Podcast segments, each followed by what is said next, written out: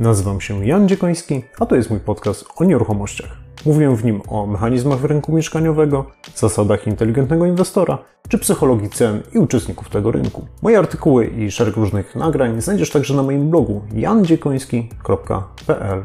Jeżeli jesteś profesjonalistą i żyjesz z rynku nieruchomości, to zapraszam Ciebie także na mój serwis analityczny fltr.pl, gdzie razem z zespołem dzielimy się analizami i doradztwem dla uczestników naszego rynku.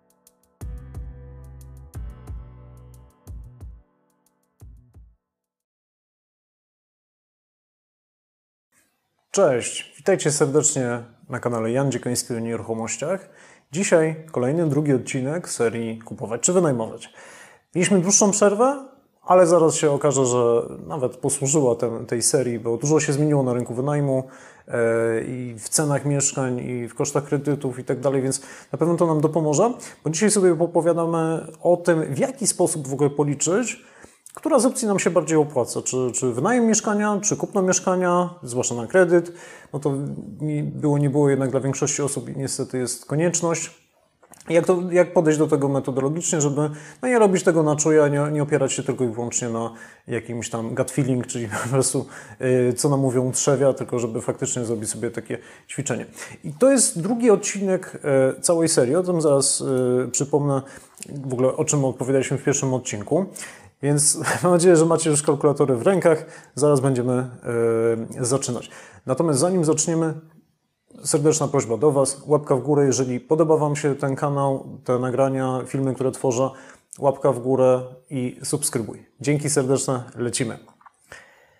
Ok, w pierwszym odcinku w ogóle opowiedziałem o tym, jakie są za i przeciw posiadania lub wynajmowania mieszkania? Bo osobiście sam w tej chwili wynajmuję mieszkanie, będę w ogóle w najbliższym czasie zmieniał to mieszkanie, będę szukał mieszkania na wynajem, więc akurat e, z pierwszej ręki będę jakby czuł, jak mocno wzrosły, właściwie już czuję, jak wzrosły czynsze ale też byłem posiadaczem mieszkania y, własnego z kredytem, w którym mieszkałem, więc też wiem, jak to jest być po tej drugiej stronie. Tak przy okazji też posiadam jakieś mieszkania na wynajem, więc też mam trzecią perspektywę. Natomiast w ostatnim odcinku, który no ponad pół roku temu nagrałem, różne rzeczy spowodowały, dlaczego taka przerwa powstała. E, opowiedziałem o różnych za i przeciw, bo to nie jest tak, że posiadanie mieszkania jest super, to jest jedna opcja, albo wynajem jest tylko super. Nie, no to wszystko to zależy i najlepiej sobie opowiedzieć yy, na pytanie w ogóle, jakie, jakie mamy cele, jakby na czym nam zależy, jakie są nasze wartości, a dopiero potem liczymy, co nam się bardziej opłaca. I o tym właśnie będzie dzisiaj ten odcinek. Dzisiaj porozmawiamy trochę bardziej o teorii, o tym, co należy wziąć w ogóle pod uwagę przy liczeniu takiej, kalku yy, takiej kalkulacji, co się bardziej opłaca. Natomiast, y, natomiast w jakby kolejnym odcinku 2b powiedzmy, y, opowiem, znaczy pokażę po prostu konkretne przykłady, ile dzisiaj kosztuje na przykład wynajem danego mieszkania, ile może ono kosztować, jaka może być cena zakupu, ile wyniesie kredyt, no i po prostu na iluś tam przykładach y, spróbuję to zrobić też w różnych miastach, różnych typów mieszkań. Spróbuję Wam też pokazać generalnie, czy jest w ogóle jakaś taka reguła, że niektóre mieszkania to może się bardziej opłacają do kupna, a niektóre bardziej do wynajmu. Ale dzisiaj, e, dzisiaj przede wszystkim będzie o, o sposobie liczenia. I teraz tak, kilka disclaimerów, takich można powiedzieć e, gwiazdek, zanim zaczniemy. Oczywiście to co, to, co będę robił, to jest jakieś tam teoretyczne podejście do policzenia, e, policzenia jakiejś tam opłacalności finansowej, więc tak jak mówiłem w poprzednim odcinku, jakby to powiedzieć, Finanse to nie wszystko. Te pieniądze jakby nie da pewnych rzeczy, może inaczej, nie, pewnych rzeczy nie da się po prostu wycenić. Więc dzisiaj oczywiście e, spróbuję e, porozmawiać o rzeczach, które są w miarę wycenialne albo takie do, możliwe do oszacowania. No, nie będę roz, omawiał o tym, jaka jest wartość tego, że ja tu posiadam i jestem właścicielem. Drugim disclaimerem jest to, że e, w tych obliczeniach nie będę brał pod uwagę Zresztą zaraz zobaczycie wzrostów albo spadków cen nieruchomości, tylko będę brał status quo. A to zaraz wyjaśnię z różnych, z różnych innych powodów, więc ym, można powiedzieć, y, to też trzeba gdzieś tam wziąć pod uwagę, ale o tym może później. Natomiast trzecim jeszcze disclaimerem jest to, że dzisiaj, dzisiejszy odcinek jest kompletnie teoretyczny, czyli znaczy, może inaczej, nie jest oderwane od rzeczywistości, bo liczby, które wykorzystuję są y, jakby oparte o konkretach, które zrobiłem taką małą analizę rynku, ale to nie będę analizował jednego konkretnego jakiegoś tam mieszkania na ulicy takiej pod adresem takim a owakim na tym piętrze i tak dalej. Więc to ciągle jest pewna tam y, sposób liczenia, ale on będzie uniwersalny. Jak w ogóle podejść do problemu? Jak porównać to, to mieszkanie kupione yy, od wynajmowanego i kupione no to jeszcze za gotówkę czy na kredyt, no to jest jakby ileś tam różnych punktów informacji. Pierwszym krokiem w ogóle jest zebranie danych o kosztach. Ile co kosztuje dla konkretnego mieszkania, które będziecie brali pod uwagę. Zaraz pokażę, jakie jakie w ogóle kategorie warto brać pod uwagę i o czym warto nie zapominać. Y, po drugie, trzeba te dane sprowadzić do porównywalności. To się tak mówi, że tak powiem, w biznesie porównujemy jabłka z jabłkami, a nie jabłka z gruszkami albo jabłka z bananami, czym, czymś innym. Co znaczy jabłka z jabłkami? To znaczy, że jeżeli yy, myślimy o kupnie mieszkania, które ma 60 metrów i ma dwa pokoje, no to nie będziemy porównywać yy, jakby opcji kupna tego mieszkania z opcją wynajmu na przykład apartamentu 100-metrowego kompletnie gdzie indziej. Nie, no musimy znaleźć analogiczne, podobne bardzo mieszkanie w podobnym metrażu, funkcji, stanie, lokalizacji i tak dalej, żeby móc porównać na przykład yy, wartość tego. I tak samo porównujemy wszystkie kategorie finansowe, a nie tylko takie wybrane, które nam sobie tam sobie wydumaliśmy. O tym, o, o tym, o tym zaraz opowiem. Po trzecie, ważną rzeczą jest y, to, że liczymy zarówno przewagę procentową jakby każdej opcji, jak i złotówkową. To też wyjaśnię. To znaczy, czasami jest tak, że któraś opcja jest, y, nie wiem, daje nam zwrot, czy tam kosztuje 6%, a druga 8% i się wydaje, aha, no to idziemy w tą, co daje 6, czy tam kosztuje 6, bo jest tańsza, no ale może się okazać, że w złotówkach to, to, to jest różnica z 200 zł, więc jakby yy, cała zabawa trochę jest, yy, można powiedzieć, troszeczkę zbędna. Ok, pierwszy punkt. Co w ogóle, jakie dane musimy zebrać, czy jakie kategorie powinniśmy wziąć w ogóle pod uwagę w przypadku posiadania albo wynajmu mieszkania? Ja y, posiadanie trochę tak można powiedzieć, a zaraz wyjaśnię może, co miałem na myśli. Jeżeli chodzi o, y, że tak powiem, w obu kategoriach mamy tak zwane koszty bezpośrednie co miesięczne, czyli takie, które co miesiąc musimy ponosić, które się nam y, regularnie pojawiają. I tu od razu już pierwsza taka uwaga, bo często ludzie o tym zapominają, że media i opłaty stałe za, za mieszkanie, takie tak zwane opłaty stałe do administracji za, nie wiem, fundusz remontowy, za mm, sprzątanie danego budynku, jego utrzymanie, y, media, czyli prąd, woda, gaz i tak dalej, y, śmieci, to niezależnie czy posiadamy, czy, czy wynajmujemy mieszkanie, te opłaty są zawsze takie same i zawsze my je ponosimy jako mm, czy to właściciel, czy to wynajmujący. Y, no może nie zawsze to widzimy w przypadku wynajmu na umowie najmu, ale gwarantuję Wam, że, że po prostu za to płacicie, więc jakby te, te kategorie są kompletnie identyczne. Y, w przypadku posiadania jeżeli kupujemy mieszkanie na kredyt, czyli w dużym skrócie pożyczamy y, mieszkanie od banku, no to oczywiście mamy kredyt, ratę, który się składa, co jest ważne, z raty odsetkowej i raty kapitałowej, o tym później. Y, natomiast w przypadku wynajmu no mamy ten czynsz do właściciela. Ja go mocno odróżniam od tych mediów i opłat stałych, bo ten czynsz do właściciela to jest ten dochód właściciela, to jest tylko ten kawałek, który właściciela interesuje i to jest ten realny koszt tak naprawdę posiadania tego mieszkania. Potem dochodzą koszty pośrednie co miesięczne, czyli koszty takie, których, jakby to powiedzieć, ponosimy je co miesiąc, mm, ale może nie do końca, nie do końca sobie uświadamiamy ich istnienie. W przypadku y, posiadania mieszkania jest to gotówka, a właściwie utracone korzyści z tego, że nasza gotówka, którą zamroziliśmy w mieszkaniu, ona nie pracuje. Znaczy, może pracować, ale nie zawsze o tych właśnie wzrostach czy spadkach cen zaraz y, opowiem. Natomiast co do zasady, jeżeli włożymy 100 tysięcy w kupno mieszkania, a moglibyśmy je wsadzić na lokatę, to na lokacie mielibyśmy konkretny przelew po prostu co miesiąc. Y, jak posiadamy mieszkanie, gdzie mieliśmy ten wkład własny, no niestety tego nie ma. W przypadku wynajmu, jakby takich pośrednich, y, comiesięcznych kosztów nie ma. Następnie mamy takie okresowe koszty, czyli takie co roku yy, ponoszone, czy tam co kilka lat, yy, które są bezpośrednio widoczne, bardzo mocno odczuwalne, jakby związane z mieszkaniem, które ponosimy. I teraz zarówno czy posiadamy mieszkanie, czy je wynajmujemy, yy, tu mamy taką kategorię kosztów jak drobne naprawy, odmalowanie mieszkania, na przykład po wynajmie, albo odmalowanie no co jakiś czas po prostu jak sobie w nim mieszkamy, no to czasem robimy jakąś naprawę, wymiana jakiejś żarówki, jakieś tam hydrauliki i tak dalej. Zarówno jak posiadamy mieszkanie, to jest oczywiście po naszej stronie, jak i wynajmujemy mieszkanie, to też jest y, po stronie odpowiedzialności najemcy ponoszenie takich kosztów. E, natomiast są potem, jest kolejna kategoria y, podatków, y, ubezpieczeń i opłat, których jako najemcy, no cóż, za bardzo nie ponosimy. Podatek od nieruchomości, użytkowanie wieczyste, do niedawna jeszcze funkcjonujące praktycznie wszędzie, ubezpieczenie mieszkania, zwłaszcza jeżeli mamy kredyt, E, jakieś inne opłaty związane z utrzymaniem mieszkania. Jeżeli to jest na przykład dom, no to to mogą być jakieś przeglądy, serwisy i tego typu rzeczy. Amortyzacja mieszkania, czyli grubsze naprawy, które co kilka, kilkanaście lat trzeba wykonać, czyli nie wiem, wymiana pieca gazowego, czy jakiejś kuchni, kuchenki, mebla i tak dalej.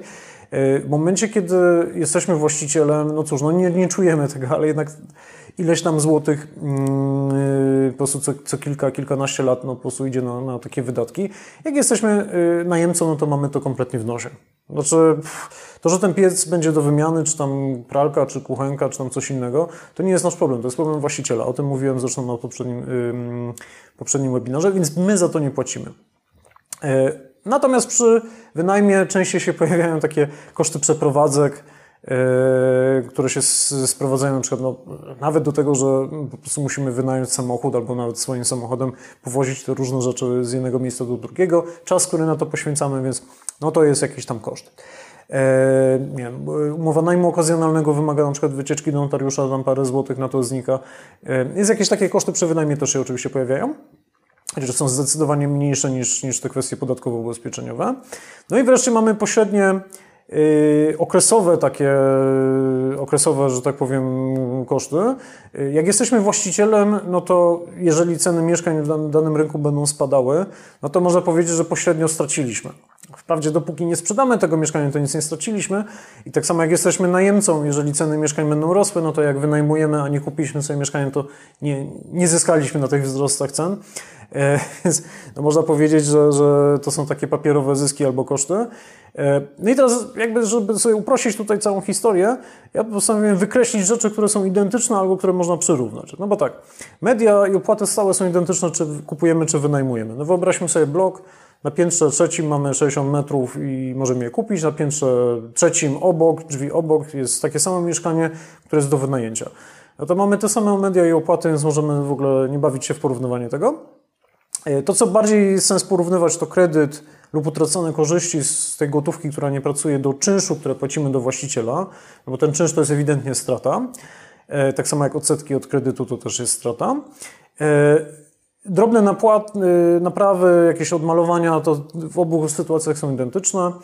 Podatki, ubezpieczenia, opłaty przy, przy posiadaniu mieszkania, ja to przyrównuję do kosztu przeprowadzek. Pi razy drzwi to jest podobna rzecz. E, to, co jest trochę bardziej bolesne w przypadku posiadania mieszkania, to jest amortyzacja, więc jednak warto wziąć pod uwagę. E, e, natomiast ja jej wprost też nie, nie, biorę, nie, nie, biorę do kalkulacji, to też zobaczycie. No i wreszcie te korzyści ze spadku albo wzrostu cen mieszkań, ja je pomijam. Dlaczego? Po pierwsze, wzrost cen bywa złudnym zyskiem, bo tak naprawdę dopóki nie sprzedamy tego mieszkania, to my tak naprawdę nic nie zyskaliśmy. Więc można powiedzieć, co mi z tego, że na papierze 20% mieszkania jest bardziej wartościowe, skoro muszę sprzedać, żeby wyciągnąć ten zysk, a co więcej, jak sprzedam, no to muszę kupić nowe, no a to nowe będę kupował już po wyższych cenach, więc y, to jest dyskusyjne, przynajmniej, przynajmniej żeby to tak jednoznacznie określić. Po drugie, ceny czasem spadają, a konkretnie yy, widziałem taką analizę, że przez 70% czasu ceny mieszkań Y, stoją w miejscu albo rosną na większości rynków, no, taką analizę historyczną, a 30% czasu spadają. Y, no a dzisiaj mamy taką sytuację, że ceny akurat są dość wysokie, więc raczej mają większą szansę na spadek niż wzrost, co w wielu innych webinarach opowiadałem. I gdzie niegdzie tak naprawdę są już spadki, zwłaszcza w ostatni raport Amron za pierwszy kwartał 2022 roku w linku, do, po, po, tym artykuł, po tym nagraniu znajdziecie w ogóle link do, do, do tego artykułu. W tym artykule możecie zobaczyć właśnie te dane. Bodajże w 14 z 21 miast, które były analizowane, nastąpiły nominalne spadki cen nieruchomości. Więc można powiedzieć, biorąc to pod uwagę i dodając jeszcze ten aspekt amortyzacji, że jak jesteśmy właścicielem mieszkania, też ponosimy koszty tych dużych remontów, zwłaszcza jeżeli to jest dom, no to wtedy to może być dziura bez dna, e, tam co kilka, kilkanaście lat. No to biorąc pod uwagę te trzy argumenty, to stwierdziłem, ok, no to może przyjmijmy, że to jest na, na, na, zero, no bo może wzrosną ceny, ale amortyzacja nam to zje. Może teraz będą spadały i to jest dość prawdopodobne, więc w ogóle będzie na odwrót. Dla czystości jakby kalkulacji, ponieważ to i tak są papierowe zyski, przyjmuję, że po prostu nie ma tej zmiany. Oczywiście Wy możecie zrobić inaczej, każdy robi to po swojemu, ja to robię tak.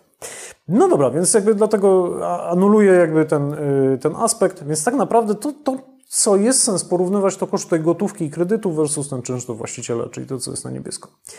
Ok. Zobaczmy teraz, jak tak zwana ulica Kowalski, jak z reguły podchodzi do takiej analizy. Kowalski z reguły robi tak. Aha, dobra, weźmy sobie przykład mieszkania tam 50 metrów za pół miliona złotych, czyli tam 10 tysięcy za metr. No i powiedzmy, mamy do wyboru opcję albo kupujemy to mieszkanie sobie za, za gotówkę, e, a ewentualnie z kredytem, może na 50%, pół na pół kredyt gotówka, a może, y, a może skorzystamy w ogóle z, z tego programu tam y, gwarancji wkładu własnego, czyli 100% kredytu i porównujemy sobie z opcją wynajmu. No i sprawdziłem, ile takie w tych miastach, na przykład w Warszawie, na, na Białęce, Tarchominie, takie za, w tej kwocie takie mieszkania potencjalnie można znaleźć, można też wynająć. I teraz, jak to robi Kowalski? No Kowalski z reguły to myśli tak, aha, to ja kupię za gotówkę, to nic mnie nie kosztuje posiadanie mieszkania, a jak popatrzę w internety, to wynajem tego mieszkania kosztuje 3500, o Jezu, no bo 2600 to jest ten czynsz, jeszcze te opłaty, media i w ogóle. Oczywiście od razu widzicie, że, że to porównanie jest sobie bez sensu, no bo opłaty, media i tak dalej, no to przy posiadaniu też musimy je ponieść, to o tym zaraz. Yy, na przy kredycie bierze pod uwagę tylko tą ratę odsetkową, która no niestety przy tym wysokim wyborze mała nie jest. Ale jak weźmiemy kredyt pół na pół, kredyt gotówka, no to mamy te, tam 1800 zł, znacznie taniej niż wynajem. No tak. No i w, taki, w takim wydaniu mogłoby się wydawać, że wynajem kompletnie się nie opłaca, czy tam jest równie nieopłacalny jak ten, jak ten, ten super kredyt. Ok, ale to nie jest pełny obrazek. Tak naprawdę, żeby tak wszystkie kategorie kosztowe wziąć pod uwagę i żeby płacić w ogóle gotówkowo, czyli ile musimy wydawać tych pieniędzy, to obrazek jest troszeczkę inny. Bo tak, powinniśmy po pierwsze wziąć pod uwagę y, element, który jest jakby taki bardzo powtarzalny, y, czyli y, koszty, które są identyczne dla wszystkich mieszkań. Czyli to są te media, opłaty stałe, te drobne naprawy. A to przykładowo dla tego mieszkania tutaj przyjąłem, że media to jest około 300 zł, opłaty stałe około 600 zł, to, to ma akurat ręce i nogi. Yy, takie comiesięczne jakieś wydatki na takie drobne rzeczy, tak uśredniając, to jest około 100 zł. To jest identyczne we, wszystkim, we wszystkich yy, czterech przykładach. Później mamy yy, ratę odsetkową yy, kredytu, czyli to jest ten koszt, faktycznie realny koszt, który no, wydajemy do banku i nigdy on do nas nie wróci, idzie w komin. To jest ta, ta ciemnoczerwona tutaj kategoria. Potem mamy raty kapitałowe kredytu, czyli ten wypływ gotówki, y, który musimy wydać, musimy mieć tą gotówkę y, i my go kiedyś odzyskamy tą gotówkę, no ale dopiero jak sprzedamy mieszkanie, bo to po prostu jest ten kapitał, który jest spłacany i trzeba go płacić. No, trzeba o tym pamiętać, że no, mimo wszystko gotówkowo przynajmniej ma, ma to znaczenie w momencie, kiedy wydajemy pieniądze. Y, potem mamy koszt alternatywny gotówki, czyli koszt tak naprawdę y, koszt tego, że pieniądze, które włożyliśmy w mieszkanie, moglibyśmy włożyć na inne aktywa, na przykład na obligacje, na lokatę y, i tam z tamtych instrumentów mielibyśmy jakieś dochody odsetkowe, natomiast tutaj z, z, mieszkania de facto nie mamy, więc one są zamrożone. Więc w ekonomii to się nazywa koszt utraconych możliwości, koszt alternatywny. No i tak naprawdę ten koszt się pojawia, zwłaszcza teraz, kiedy mamy wysoki WIBOR, no i jednak lokaty już na 5 czy tam 6% to w ogóle bez problemu można znaleźć. Obligacje skarbowe też są od 6 wzwyż, procent takie wieloletnie, więc yy, oczywiście tam mam podatek belki, ale w tym, tych przykładach ja to zawsze liczę, odejmuję ten podatek belki z tej, tego ćwiczenia. W przypadku najmu mamy oczywiście ten tak zwany czynsz do właściciela, odstępne, komorne, czynsz netto, różnie to bywa nazywane. Ale jest to taki prawdziwy, bezpośredni, comiesięczny koszt wynajmowania mieszkania. To faktycznie też idzie w komin, no bo dostaje to właściciel mieszkania i to już do nas nie wróci w żaden, w żaden, w żaden sposób, więc yy, no to są pieniądze, które gdzieś tam znikają, są realnym kosztem. No i wreszcie rzeczy, które są okresowe, nie zawsze widoczne dla posiadacza mieszkania, zwłaszcza kiedy jeszcze go nie kupiliśmy, yy, czyli podatki, ubezpieczenia, opłaty, mm, no i ta amortyzacja, te naprawy co kilka lat. E, no i y, przyjmuje się, że no, podatki, opłaty to, to może być około 50 zł tak naprawdę przy takim mieszkaniu, bo to podatki, jakby sam podatek od nieruchomości będzie śmiesznie niski, ale jest tam jeszcze tych kilka innych rzeczy, jak ubezpieczenie i tak dalej. Amortyzacje to naprawy co kilka lat no jednak trochę kosztują, no i tak co 10 lat tam się przyjmuje, że tam paręnaście tysięcy złotych mieszkanie trzeba włożyć. Yy, przyjmuje się czasami, że to jest 1,5% wartości mieszkania. Różnie można do tego podejść i tak dalej. Więc jakby patrząc totalnie na wszystkie kategorie gotówkowo, no to kupno mieszkania w 100% na kredyt jeszcze z tym dofinansowanie wkładu własnego, czy tam gwarancją wkładu, no jest okrutnie drogie, bo jest o 2000 droższe niż wynajęcie mieszkania po prostu na rynku. No ale z drugiej strony to mieszkanie kiedyś będzie nasze e, w 100%. E, oczywiście w takiej kalkulacji też e, posiadanie mieszkania w 100% za gotówkę też ma sens, największy finansowo, ale ta różnica już jest nieznacznie tylko niższa od, od kupna mieszkania. Tylko oczywiście to jest spojrzenie gotówkowe. Jeżeli byśmy patrzyli tylko i wyłącznie, ile nam wypływa y, miesięcznie z gotówki jakby z kieszeni, finansowo to trzeba troszeczkę inaczej mm, popatrzeć. Po pierwsze, wyrzucamy te wszystkie media, opłaty do administracji, drobne naprawy. One były identyczne we wszystkich y, czterech przypadkach. No mamy to samo mieszkanie, więc jakby tu cała proporcja nam się nie zmieniła, poza tym, że łączny wydatek spadł finansowy. Usuwamy ratę kapitałową, no bo rata kapitałowa to tak naprawdę można powiedzieć nadpłacamy wartość mieszkania tą pożyczoną od banku, więc no to, to do nas kiedyś tam wróci, kiedy to mieszkanie sprzedamy. Więc to jest jakaś wartość, więc faktycznie to trzeba byłoby usunąć. No ale zwłaszcza jeżeli to jest pierwsza rata mm, kredytu albo to są pierwsze lata kredytu, o tym też później e, opowiem i pokażę, to niestety ta rata kapitałowa jest bardzo niska w obecnej chwili, więc no, nadal ta przewaga wynajmu albo kupienia za gotówkę jest wyższa w obecnej chwili.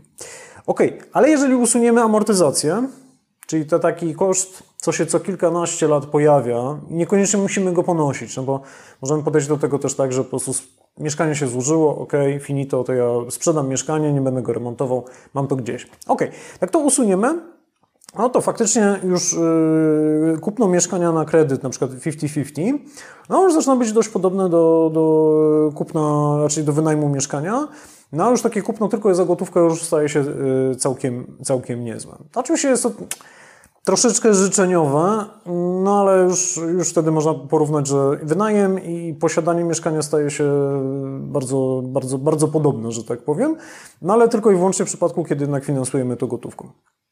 No i wreszcie ostatni, ostatni przykład. Co by było, gdybyśmy usunęli jeszcze y, kwestię właśnie tego kosztu alternatywnego gotówki, no to wtedy kupną za gotówkę, oczywiście gotówka nas nie kosztuje, no to jest za zero. Fikcja moim zdaniem, bo jak ja wynajmuję mieszkanie w tej chwili, to ja moją gotówkę, to ona nie leży sobie pod materacem, tylko ona pracuje w tej w danej chwili. E, czy to poprzez wynajem, wynajem mieszkania, czy jakieś obligacje, lokaty, więc e, moim zdaniem to trochę fikcyjne spojrzenie, ale oczywiście możecie tak do tego podejść. Ja osobiście preferuję tak naprawdę spojrzenie, yy, spojrzenie o to. To spojrzenie tak naprawdę najwięcej mówi o yy, porównywalności kosztu zakupu czy wynajmu mieszkania. Ten obrazek, gdzie biorę pod uwagę jednak koszt alternatywny trzymania gotówki i te okresowe koszty posiadania mieszkania czy tam domu, czyli te naprawy, podatki, ubezpieczenia i tak dalej. Ja patrzę na to w ten sposób. I trochę już rozumiecie, dlaczego wynajmuję mieszkanie. Ale o tym też później. Ok. Prawda jest taka, że to, co się bardziej opłaca, przede wszystkim zależy od tego, jakie okulary ubierzecie, jaka jest wasza sytuacja finansowa, y, wasze umiejętności, o tym też za chwilę, i te okulary, jakie nałożycie, perspektywy, na jaką nałożycie na, na tutaj tą ocenę. Y, czyli przykładowo, jeżeli Yy, musicie duży kredyt zaciągać, no to widzicie po tych ostatnich przykładach, to pokazywałem, że jeżeli tego kredytu jest więcej niż 50%, to raczej bardziej by Wam się jednak ten wynajem opłacał. Tylko i wyłącznie z perspektywy samych kosztów odsetek po prostu. Ale oczywiście też wpływ ma znaczenie, jaki to będzie kredyt, ile tego kredytu zaciągniecie, na jaki okres, na jakie raty i tak dalej. Wasze okulary, czyli czy patrzycie stricte gotówkowo, no bo jeżeli patrzycie tylko na, na aspekt, jak dużo gotówki z kieszeni wam wyjdzie, a jednak to jest najważniejsze, no bo kurczę, żeby nie było tak, że żyjemy od pierwszego do pierwszego, bo wszystko wydajemy na to mieszkanie, no to tym bardziej widać, że, że nawet ten wynajem może być trochę bardziej osiągalny, powiedzmy, gotówkowo niż kupno na kredyt w pełni. Czy też patrzymy finansowo, czyli faktycznie na te przychody i koszty, ale takie realne koszty, które już y, ponosimy i one do nas nie wrócą. Czyli na przykład tylko i wyłącznie odsetki, podatki, takie tam historie. Y, no i jaka jest sytuacja na rynku w danej chwili, czyli jaki jest poziom cen najmu do, do stóp procentowych i efektywnie od kogo jest taniej pożyczyć, czy od banku, czy od właściciela. No i tutaj nagle dochodzimy do takiej kwestii, że, czy ewentualnie od siebie. No bo jak kupujemy mieszkanie, to pożyczamy de facto ten kapitał od siebie, żebyśmy je tam kupili. Więc tu dochodzimy w ogóle do takiego aspektu, że tak naprawdę ten procent zwrotu e, to jest w ogóle najlepszy sposób do porównywania tych opcji.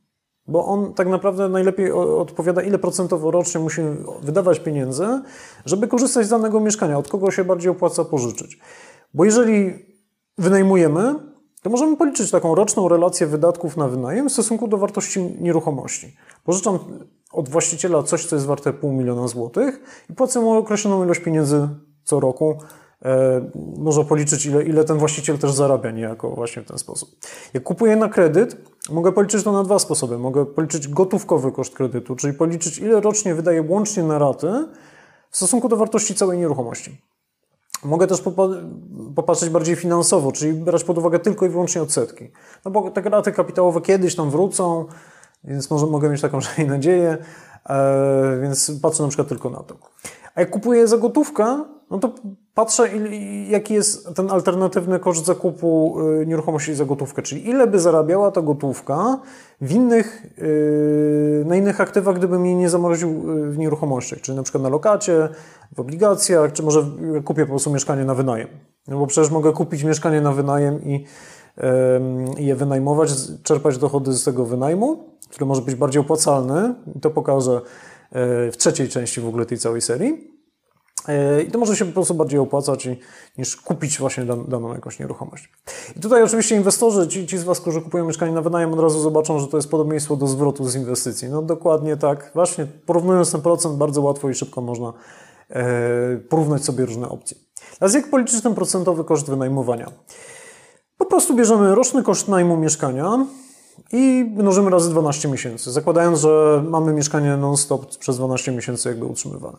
Czyli, ale bierzemy, pamiętajcie, tylko pod uwagę ten czynsz do właściciela, ten czynsz netto, odstępne, no bo ono tak naprawdę to jest ten realny koszt. Media, opłaty, to tak samo jak będziemy posiadać mieszkanie, też za nie zapłacimy, więc bierzemy tylko i wyłącznie czynsz do właściciela.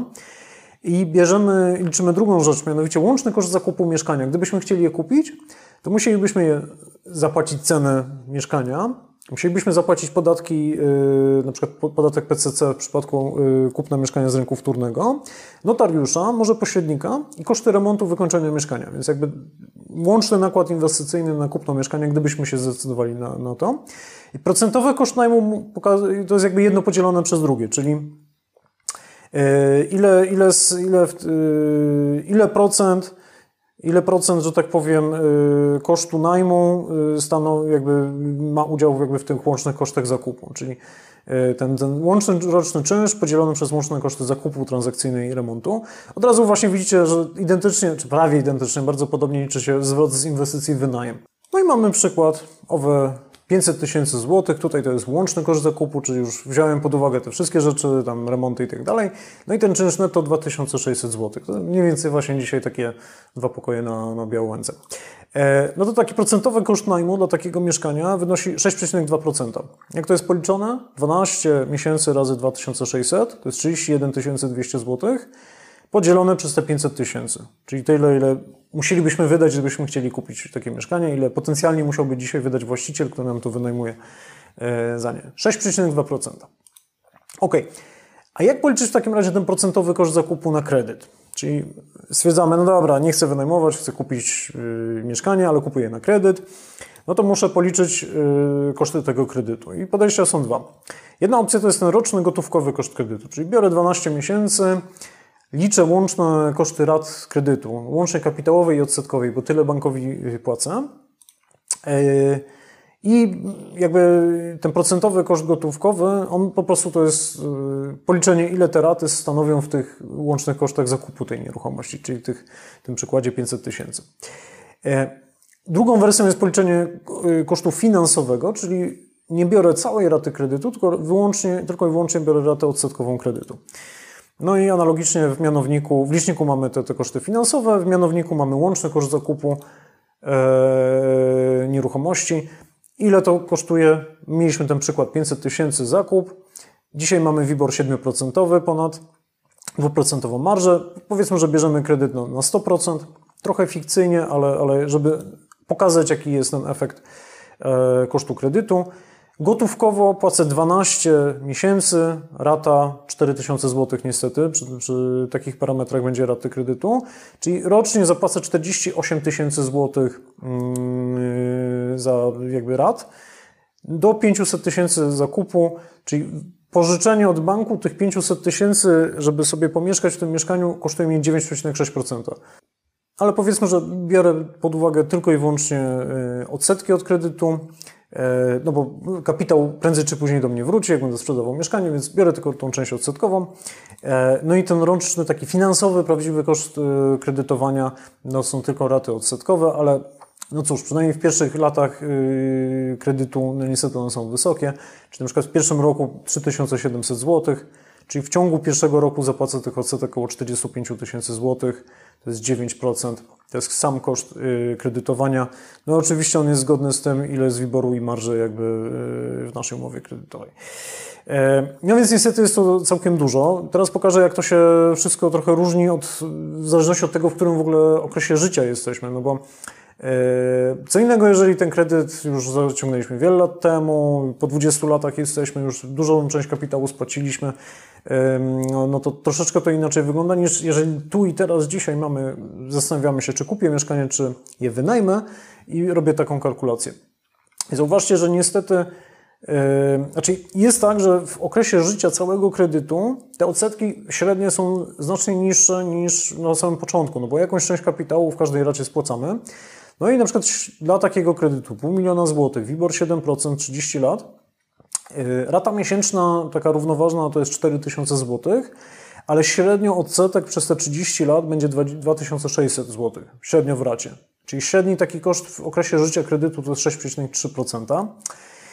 No niestety, no niestety jest tak, że ten moment, kiedy ta rata kapitałowa z odsetkową się zrówna, czyli w ogóle będzie pół na pół, to on dopiero nastąpi po ponad 20 latach. Ja myślę, że przeciętny kupujący mieszkanie pewnie ma 30 lat, czyli w wieku tam ponad 50 lat. Więc być może on sprzeda w ogóle to mieszkanie już tam parę razy po drodze. Więc trochę może większy sens ma wzięcie tej raty w ciągu ostatnich pięciu, y, przepraszam, pierwszych pięciu lat y, posiadania kredytu. No i niestety ona jest wysoka, no bo tutaj w tym przykładzie ona wynosi prawie 9%, 8,8% to jest średnia, średni koszt odsetkowy właśnie mm, pierwszych pięciu latach. Y, gorzej jeszcze będzie, gdyby WIBOR był wyższy. A mam nadzieję, że oglądaliście moje ostatnie nagranie o stopach procentowych i o tym, jak wysoki może być WIBOR. Niestety, jeżeli WIBOR będzie jeszcze wyższy, to ta relacja będzie jeszcze gorsza. Czyli na przykład gdyby WIBOR wzrósł do 9%, czyli łączny koszt yy, kredytu do 11%, no to nasze odsetki w okresie życia kredytu to będzie aż 8%, średnia rata odsetkowa 3300 zł, i w pierwszym okresie, pierwszych pięciu lat przy, zapłacimy aż 11%, za, prawie 11% za, za pożyczenie tego kapitału, czyli niesamowicie dużo będziemy płacili. E, I gdybyśmy wynajęli mieszkanie i byśmy płacili tam na przykład 6% za wynajem, czy nawet więcej, no to co roku w tych pierwszych latach jednak oszczędzamy na tym wynajmie, jesteśmy w stanie na przykład odkładać te pieniądze albo je reinwestować. E, no i niestety przy drogich, drogich odsetkach, no ten e, moment zrównania się tej raty kapitałowej z odsetkową to w ogóle jeszcze, jest później, po 2023 roku. Ale gdyby WIBOR był niższy, 5%, powiedzmy w takich trochę lepszych scenariuszach na przyszłość, to ten WIBOR pewnie, pewnie wróci prędzej czy później do tego poziomu, no to wtedy mm, z tej, ta rata w ogóle łączna spada do 3300 zł. I w okresie życia kredytu od same odsetki będą stanowiły tylko 4,7% e, jakby wartości nieruchomości. Czyli ten koszt już staje się dość niski, jest nawet trochę niższy niż ten koszt wynajmu. No ale w pierwszych pięciu latach mamy e, prawie 7%, więc no, gdybyśmy mieli mieszkanie sprzedać od, po pięciu latach od, od kupna na kredyt, no to jednak ten wynajem ciągle się potencjalnie bardziej będzie opłacał. I to zrównanie raty kapitałowej i odsetkowej szybciej nastąpi. Ale Gdyby jednak ten WIBOR był na takim poziomie z pandemii, czyli zerowy, albo no nawet już nie bądźmy tacy super hura optymistyczni, nawet na poziomie z lat 15-19, wtedy WIBOR był niecałe 2%. Yy, no to, no to ten, ta spłata kapitału jednak jest dość szybka. Ten udział raty kapitałowej w, w łącznych wydatkach jest dość wysoki, sama rata jest dość niska. Yy, no i jednak, jednak ten, ta spłata następuje dość szybko. No to słuchajcie, przy takim niskim WIBORze średni koszt kredytu w okresie życia tego kredytowania to jest 2,4%, czyli ultra nisko. E, a nawet w pierwszych y, tam pięciu miesiącach, przepraszam, pierwszych pięciu latach spłacania to jest raptem niecałe 4%. Co pokazuje, że no nie dziwota, w tamtych latach ludzie kupowali mieszkania na kredyt, bo to się po prostu bardziej opłacało niż wynajmować, płacić komuś te 5, 6, 7%. Jak kupię mieszkanie na kredyt i łączne moje koszty gotówkowe będą około 6%, a, tak naprawdę odsetki tylko 4%, no to oczywiste, że kupuję na, na kredyt. No, ale niestety ten poziom dwuprocentowego wyboru to, to senę wrati za szybko. To znaczy najbliższych 3 do 5 lat przypuszczalnie yy, nie będziemy mieli do czynienia z taką sytuacją. E, co więcej, gdybyśmy mieli mieć do czynienia z taką sytuacją, to pewnie będzie oznaczało jakąś grubą recesję, więc e, no niekoniecznie, niekoniecznie to będzie miało miejsce. No i wreszcie jeszcze, jedna, jeszcze kilka takich porównań. Co było, gdybyśmy jednak zaciągnęli krótszy kredyt na 20 lat? E, no to wprawdzie urośnie nam rata kredytu. Pamiętacie, na samym początku przykład pokazywał 4000 zł, byśmy płacili ratę. Jeżeli skrócimy okres spłaty kredytu, czyli będziemy więcej spłacali kapitału w naszych ratach, no to ta rata skoczy do 4500, natomiast łączne koszty kredytu spadną, bo szybciej będziemy spłacać ten kapitał, więc y, mniej odsetek zapłacimy w okresie trwania życia kredytu. Szybciej dojdziemy do momentu zrównania się raty kapitałowej z y, odsetkową. No i te łączne nawet koszty w pierwszych miesiącach, y, pierwszych latach będą trochę niższe, bo wyniosą 8,5%. No dobra, a teraz dużo było wykresów, to spróbujmy sobie to wszystko porównać na jednym obrazku. Fakt jest taki, to co zauważyliście, że wysokie oprocentowanie generalnie ponadproporcjonalnie nam zwiększa ten koszt finansowy kredytu. E, I powiedzmy przy wysokich wyborach po prostu strasznie dużo zaczynamy płacić za te odsetki i to przestaje mieć trochę sensu. Skrócenie okresu kredytowania y, zmniejsza ten koszt finansowy, no ale musimy więcej gotówki wydawać. No trochę, takie trochę są trochę mechanizmy tego, y, tego kredytu. Zobaczmy jak to porównując jakby na, na, na cyferkach. Gdybyśmy wzięli właśnie dzisiaj kredyt na 30 lat z tym 7% wyborem, no to średnio rocznie w okresie kredytu będziemy płacić 10% rocznie tej wartości mieszkania, no bo to będzie te 4 tysiące po 12 miesięcy, to jest prawie 50 tysięcy rocznie za mieszkanie za 500 tysięcy. Y, w pierwszym roku samo koszt finansowy, czyli same odsetki, no to będzie 9%, no bo tyle jest koszt kredytu. W pierwszych pięciu latach to będzie 8,8%, a przez cały okres życia kredytu 6,3%. No zakładając, gdyby ten WIBOR tak się utrzymał, być może się tak nie, nie, nie utrzyma, ale może też wzrośnie, o tym później. Możemy zaciągnąć krótszy kredyt. Widzimy, że nam ten gotówkowy koszt wzrósł, bo po prostu będziemy płacić więcej, wyższe raty po prostu co miesiąc, no ale w tych ratach będzie więcej spłaty kapitału. Efektywnie koszt finansowy kredytowania jest niższy. Czyli w pierwszym roku może to nie jest takie zauważalne, ale już w drugim roku, yy, w sensie w, w tym okresie pierwszych pięciu lat, średni koszt to jest 8,5%, czyli tam już tam parę, set, parę dziesiętnych jakby mniej, ale w okresie yy, całego okresu życia kredytu no to jest o pół punkta procentowego, yy, no to już jest, można powiedzieć, to jest niemało, bo to są wymierne tysiące złotych, właśnie dziesiątki tysięcy złotych w skali całego kredytu. Gdyby WIBOR był niższy, jeżeli on jednak spadnie, ten WIBOR, bo nie wiem, spowolni gospodarka, może będzie jakaś mała recesja, no i te stopy procentowe będą obniżone, uspokoi się sytuacja na rynku y, światowym, no to wtedy oczywiście te koszty kredytowe też są niższe, no ale pamiętamy ciągle o tym przykładzie wynajmu. Y, no więc gotówkowo płacilibyśmy no, 8% rocznie. To jest niestety całkiem dużo przy takim przy, przykładzie. W przypadku y, kosztów takich finansowych, czyli same koszty odsetkowe, pierwszy, pierwszy rok to byłoby około 7%, no bo takie byłyby koszty kredytu, ale w skali całego powiedzmy 30 lat takiego kredytu y, niecałe 5%. No to już zaczyna być trochę atrakcyjne w okresie 30 lat. Jeżeli faktycznie planujecie kupić mieszkanie i siedzieć tam przez te 30 lat, to faktycznie prędzej czy później to się będzie bardziej opłacało. Gorzej, jeżeli jednak ten WIBOR będzie wyższy, na przykład 9% jeszcze, i są argumenty i ryzyka, że jednak może taki być przynajmniej przez jakiś tam okres czasu. No to niestety nasze koszty takie gotówkowe będą bardzo wysokie. To będzie ponad 11% w skali y, kredytu. W pierwszym roku będziemy płacić zawrotne 11% za same odsetki.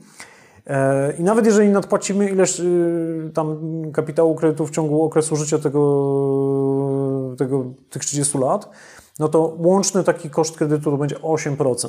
Jeżeli pokazywałem jakby koszt najmu, ok, ten koszt najmu on też rośnie w okresie, powiedzmy, no, teraz mamy bardzo duże wzrosty przez to, że y, mamy sytuację wojny, inflacji, rosnących stóp procentowych, y, dużą migrację, więc oczywiście teraz czynsze wzrosło 20%. Tak normalnie rosną od 5 do 10% rocznie, więc nawet jeżeli w pierwszym roku wynajmu to będzie 6%, no to w kolejnych latach może być więcej, ale kurczę, te 8% w okresie całego życia i przez pierwsze lata ponad 10% to jest zawrotny poziom.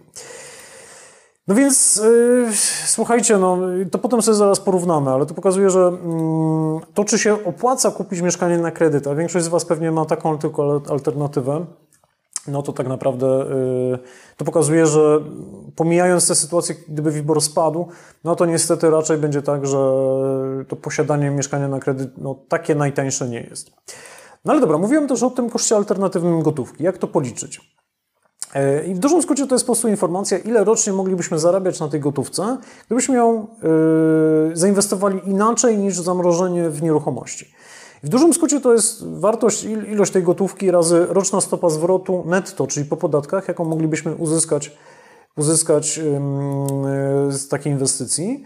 I żeby ją policzyć tą stopę zwrotu, no to musimy wiedzieć, ile rentowności przynosi dana inwestycja.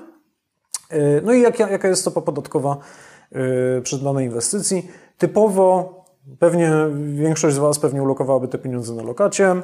Dzisiaj mamy lokatę na około 6%, 19% podatek belki, więc efektywnie na takiej lokacie zarabialibyśmy 4,9%. Czyli to jest taki koszt, koszt y, alternatywny, gdybyśmy te pieniądze włożyli po prostu na, na lokatę. Moglibyśmy kupić obligacje skarbowe, one są dzisiaj oprocentowane od 6% wzwyż. Moglibyśmy kupić obligacje korporacyjne, na przykład y, spółki Skarbu Państwa bezpiecznej, która no, raczej pewnie nie zbankrutuje, ale chociaż małe ryzyko zawsze gdzieś tam istnieje, która na przykład by płaciła WIBOR plus marżę. Taka marża w takich dość bezpiecznych spółkach to jest około 1 punkta procentowego, czyli łącznie 8% na takie obligacje byśmy zarabiali. Musimy zapłacić podatek belki. Efektywnie na przykład na takich obligacjach byśmy zarabiali 6,5%. Moglibyśmy wreszcie na przykład kupić mieszkanie na wynajem nie mniejszej miejscowości, małą kawalerkę, w której osobiście byśmy nie chcieli mieszkać, ale na wynajem takie mieszkania bardzo fajnie się sprawdzają. No i na przykład po tych ostatnich wzrostach czynszów e, zwrot z najmu z takiej kawalerki w dobrym miejscu, dobrze kupionej, taniej e, mógłby wynosić na przykład 7%. Ci, którzy inwestują w wynajem, wiedzą, że 7% to tak naprawdę nie jest dużo, no ale powiedzmy, że, że zakładamy tutaj jakiś tam startowy e, przykład. Podatek w przypadku wynajmu możecie skorzystać z ryczałtu, który jest niższy, 8,5%, więc efektywnie na przykład z takiej inwestycji też byście mieli tam powiedzmy to 6,5%. No i to są jakieś tam metody, jak, jak, jak to można sobie e, spróbować policzyć. No dobra, no to teraz porównajmy, jak te procenty, nie złotówki, ale procenty, jak one mają się yy, do siebie. Co, co jest tańsze? Jak taniej pozyskać to mieszkanie? Czy taniej pożyczyć od właściciela, czyli na wynajem, pożyczyć od banku, no bo de facto kredyt to jest pożyczenie od banku, czy po prostu od siebie. Czyli te pieniądze ładuję w mieszkanie i tam ono sobie tam siedzi. I teraz tutaj będą przykłady używające właśnie tego WIBOR-u 7%, e, czyli sytuację z dzisiaj. No i to mniej więcej tak by się prezentowało właśnie do tego tam przykładowego mieszkania za pół miliona złotych, że dzisiaj byśmy płacili za wynajem takiego mieszkania około 6%, pi razy drzwi. E, gdybyśmy je kupili za gotówkę, to ten koszt alternatywny utrzymywania gotówki, gdybyśmy na przykład władowali pieniądze w, w lokatę, czy tam lokatę, obligacje i tak dalej, różny jakiś tam portfel inwestycyjny, on by średnio dawał około 6%, no to yy, efektywnie byśmy dostawali jakieś 4,9% jakby yy, z tych pieniędzy. Gdybyśmy kupili pół na pół, połowa gotówka, połowa kredyt, no to za kredyt byśmy płacili tę połówkę 4,4% wartości tego mieszkania, jeżeli chodzi o te pierwsze, pierwsze raty w pierwszych latach, yy, przez pierwsze 5 lat. Yy, no a ta gotówka jakby na wkład własny też by no, nie pracowała, czyli 2,4% to jest jakby znowu połowa tego. Czyli koszt kupna pół na pół to jest 7%, jak widzimy wyższy niż wynajmu, a koszt w 100% na kredyt to jest prawie 9%. Więc można powiedzieć... Yy, jakby tak, jakby tak w dużym skrócie powiedzieć, jeżeli nie macie wkładu własnego, to ten program bez wkładu własnego słabo się dzisiaj opłaca. Ok, ale spójrzmy w ogóle gotówkowo, jakby to wyglądało. I tutaj obraz jest troszeczkę jeszcze gorszy, jeżeli chodzi o e, kupno na kredyt, bo jeszcze nam dochodzi rata kapitałowa. E, no i e, nawet jak w późniejszych latach, jak będziecie spłacać ten kredyt, no to ta proporcja jednak już będzie stała. No i wtedy przy gotówka, pół na pół y, gotówka kredyt, no to łączne koszty to jest ponad 7% y, posiadania takiego mieszkania, a przy 100% kredycie, no to będzie ponad 9%. No więc niestety jest to znacznie o połowę więcej niż w przypadku wynajmu mieszkania. Yy, oczywiście może być tak, że WIBOR będzie wyższy. Przypuszczalnie jak WIBOR będzie wyższy, to też będą wyższe czynsze, no bo znowu te, to jest taki mechanizm trochę na rynku yy, taki, że jak rosną te raty kredytów, no to ci, co wynajmują mieszkania, mogą trochę wyższe czynsze oczekiwać, no bo Kowalski, co wynajmuje, ma trochę mniej alternatyw. Oczywiście to nie jest taki jeden do jednego są zmiany, ale no jednak taki efekt jest. Lub też gdyby WIBOR spadł i czynsze trochę też spadły, ale już nie aż tak bardzo, bo ym, raczej czynsze są tak, jak to się mówi, lepkie. One łatwiej rosną niż spadają. No więc na przykład w przykładzie, gdyby WIBOR wzrósł do 9%, a czynsze o 20% wzrosły najmu, no to za wynajem byśmy płacili jakieś 7,5%, no ale nasze koszty kredytu by wzrosły do 11%. Nawet jakbyśmy robili to pół na pół, płacilibyśmy 8,5%. Co więcej, te nasze zamrożone pieniądze w tym mieszkaniu mogłyby więcej zarabiać, no bo przy wyższym WIBORze mamy też wyższe dochody z odsetek czy lokat, czyli jakieś 6,5%. Czyli można powiedzieć, dystans czy posiadanie na kredyt staje się jeszcze mniej opłacalne, no bo oczywiście płacimy wyższe raty, chyba że przeszliśmy na stałe raty. No i gotówkowo to jest jeszcze bardziej jakby widoczne.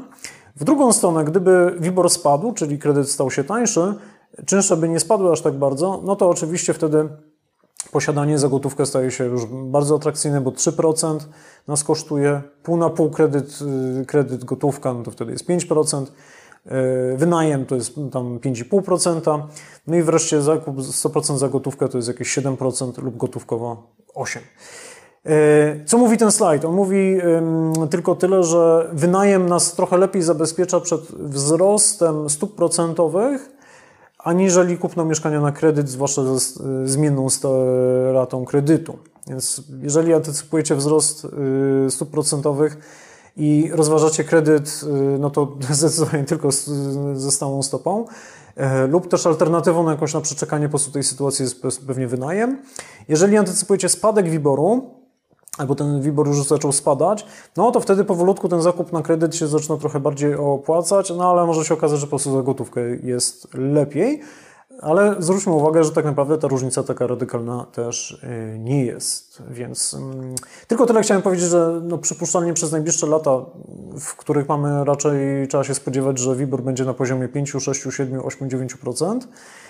Raczej w tym przedziale, tak jak zresztą był przez wiele lat y, przed jeszcze ostatnim kryzysem nieruchomościowym, no to ten wynajem finansowo on mniej więcej jakby podobnie się plasuje jak kupno mieszkania na kredyt. Y, kolejna uwaga.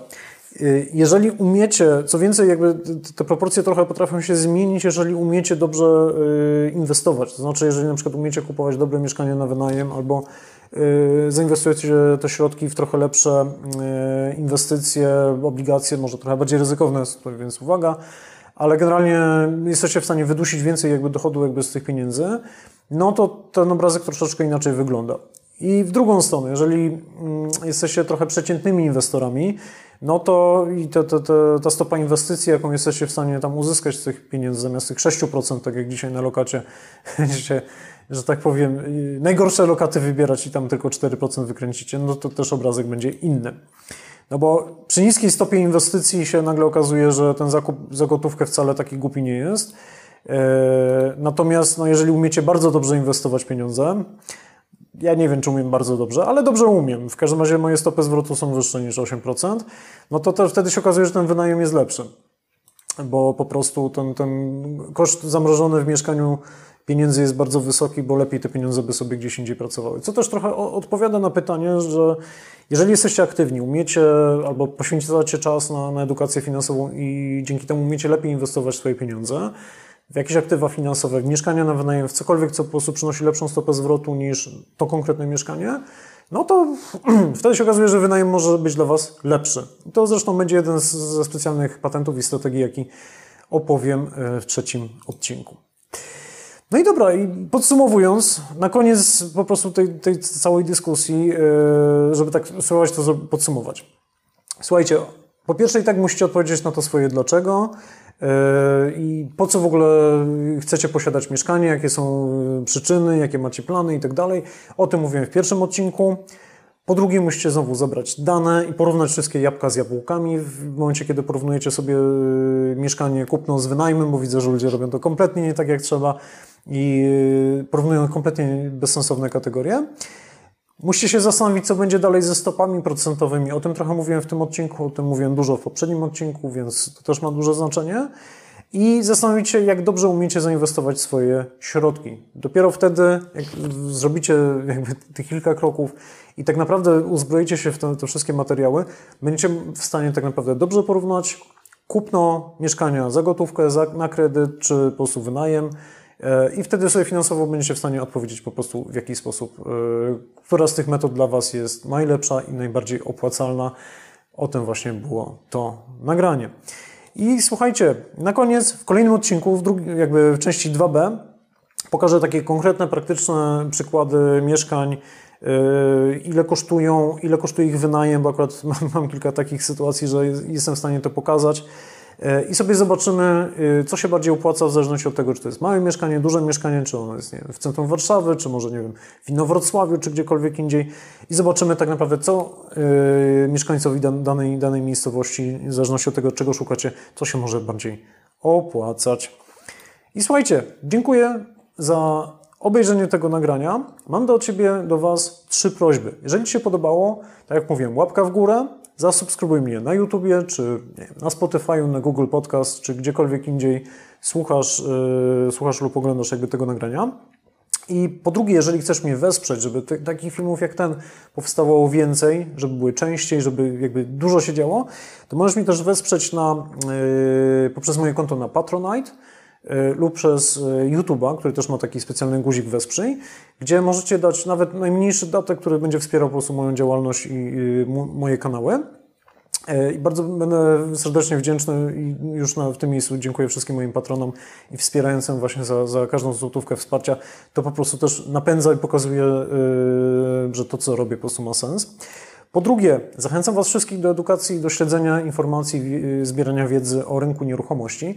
I żeby to zrobić, zapisz się na mój newsletter na stronie jandziekoński.pl y, ukośnik newsletter, bo po zrobieniu tego otrzymasz po pierwsze e, prezentację ode mnie, kompletnie darmową, e, z kilkudziesięcioma jakby źródłami różnych e, danych, informacji, raportów na temat rynku nieruchomości. Tych, z których ja często korzystam, dzięki czemu Ty też będziesz jakby w stanie budować tą wiedzę i informacje na ten temat.